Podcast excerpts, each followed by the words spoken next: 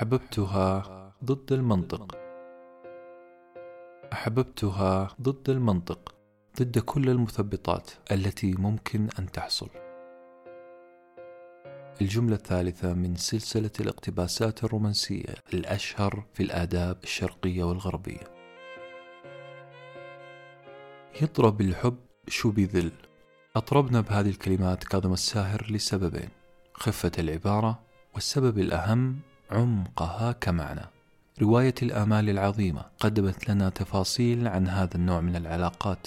قدمت لنا شخصيات تم جرح كبريائها وإذلالها. جسدت لنا كيف أن أحلامنا العريضة في علاقة ما يحكمها ألف عائق. وإننا حنكتشف بعد نضجنا أن هذا الحب هو شيء ضد المنطق. على الأقل هذا هو انطباع معظم قراء هذه الرواية الواقعية. الرواية واقعية جدا جدا جدا غير عن قصص الحب ال fantasy الحالمة.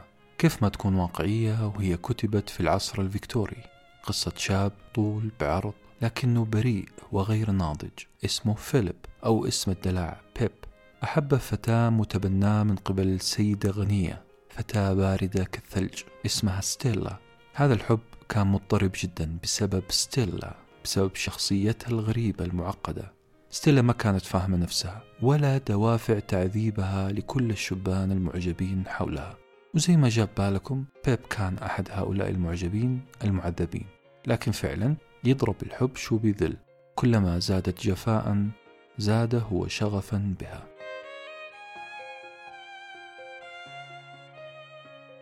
شغف بيب وجفاء ستيلا كان أحد أهم المواضيع اللي ناقشتها رواية الآمال العظيمة. للروائي العظيم شارلز ديكنز والذي ذكر في إحدى رواياته عبارة شهيرة غارقة في الحب. يقول ليس من طبيعتي أن أخفي أي شيء عمن أتعلق بهم فلا أستطيع أبدا أن أغلق فمي حيث فتحت قلبي. كانت التكهنات كبيرة أن شخصية بيب في هذه الرواية تمثل حقيقة شارلز ديكنز. شارلز ديكنز كتب هذه الرواية في أسوأ فترات حياته النفسية. بنته تزوجت من رجل لا يحبه. ابنه أدمن القمار وأمه بدأت تفقد ذاكرتها. وأكثر من كذا أنه افترق عن زوجته كاثرين. بعد هذه الظروف حاول ديكنز أنه يطلب ود ممثلة صغيرة تعمل في أحد مسرحياته. لكنها رفضت هذا الود. النقاد يؤكدوا أن ستيلا في رواية الآمال العظيمة هي نفسها هذه الممثلة الشابة اللي رفضت ديكنز. وأكدوا كذلك أنه بيب يمثل ديكنز الذي جرح كبرياءه هذه الشخصيتين بيب وستيلا شخصيتين واقعيتين جديدتين على الأدب الإنجليزي. الواقعية جذبت فئة معينة من القراء فئة الطبقة المتوسطة والفقيرة. جمهور ديكنز ما كان من علية القوم أو الاستقراطيين كما هي عادة الأدباء. شخصيات ديكنز كانت عامة فقيرة جاهلة ومتغطرسة مليئة بالعقد والطفولية. لذلك لو سألك أحدهم بماذا تميزت تشارلز ديكنز؟ رقم واحد جذب شريحة جديدة أصبحت تقرأ بعد أن كان الفن والأدب حكرا على طبقة معينة. اثنين أن الرواية أخذت نمط تكويني. النمط التكويني في الأدب يعني أن المؤلف يتتبع نمط حياة ونمو شخصية معينة في القصة. روايتنا اليوم تتبعت بيب وواكبت تطور شخصيته حتى البلوغ. صورت لنا بالتفاصيل كل صفعة تلقاها بيب في رحلته لإيجاد نفسه في مجتمع لندن ويوركشاير خلال العصر الفيكتوري. هذا العصر اللي اشتهر بالطبقية الاجتماعية. عرضت لنا الرواية مراحل نضج بيب.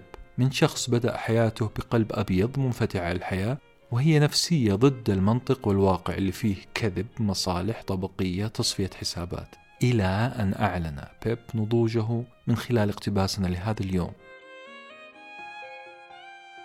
نعم بيب سرد كل الحقائق بلسانه بأسلوب ال first person. first person يعني أن الشخصية في القصة هي اللي تتولى السرد. زي مثلا يقول رأيت ذهبت تكلمت معه وهكذا. مثلا في رواية يقول بيب أن ستيلا لا ترد علي كما ينبغي. تتجاهلني. تبتسم لشبان آخرين وتطمعهم للاقتراب منها ومن محادثتها. بيب كان يشرح لنا بالتفصيل أنه عومل وكأنه غير موجود. أبدع في تصوير هذه اللقطات المستفزة اللي أعتقد أنها كرهتكم في ستيلا. بالعكس تماما. أنتم اللي فهمتم ستيلا خطأ. ستيلا تعتبر من أصدق الشخصيات في الرواية وأحد الضحايا.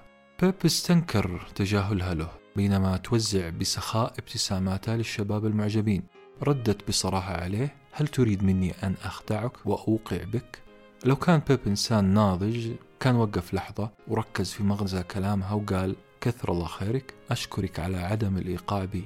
لكنه حتى هذه اللحظة في الرواية لم ينضج بعد. بيب لم ينضج بعد. وسأل ستيلا سؤال آخر. هل أنت توقعين وتخدعين يا ستيلا؟ هنا بدأت ستيلا واللي أول مرة تكشف سبب تصرفاتها الغريبة. هذه اللحظة اللي كسرت فيها أصنام الغموض في القصة وقالت نعم أنا أوقع بالكثيرين جدا كلهم ولكن أنت لست منهم.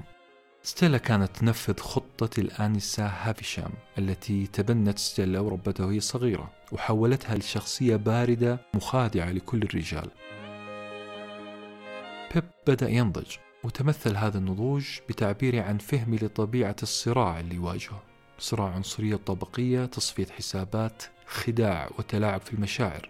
عندما رأى بيب بيت ستيلا حاول أن يبدو هادئا. أن يضبط ضربات قلبه ويحافظ على إيقاع أنفاسه. بالعربي كان يحاول أن يثبت لنا أنه نضج وضح لنا بأنه أحب ستيلا فعلا لا لشيء إلا لأنها مثلت له الكمال البشري. قال أنه كان حبا حقيقيا لكنه حب ضد المنطق ضد الوعود والسلام الأمل والسعادة ضد كل المثبطات التي ممكن أن تحصل. شكر الجزيل لمعدة هذه الحلقة. صديقتنا في تويتر حساب at r a n e e m b a j.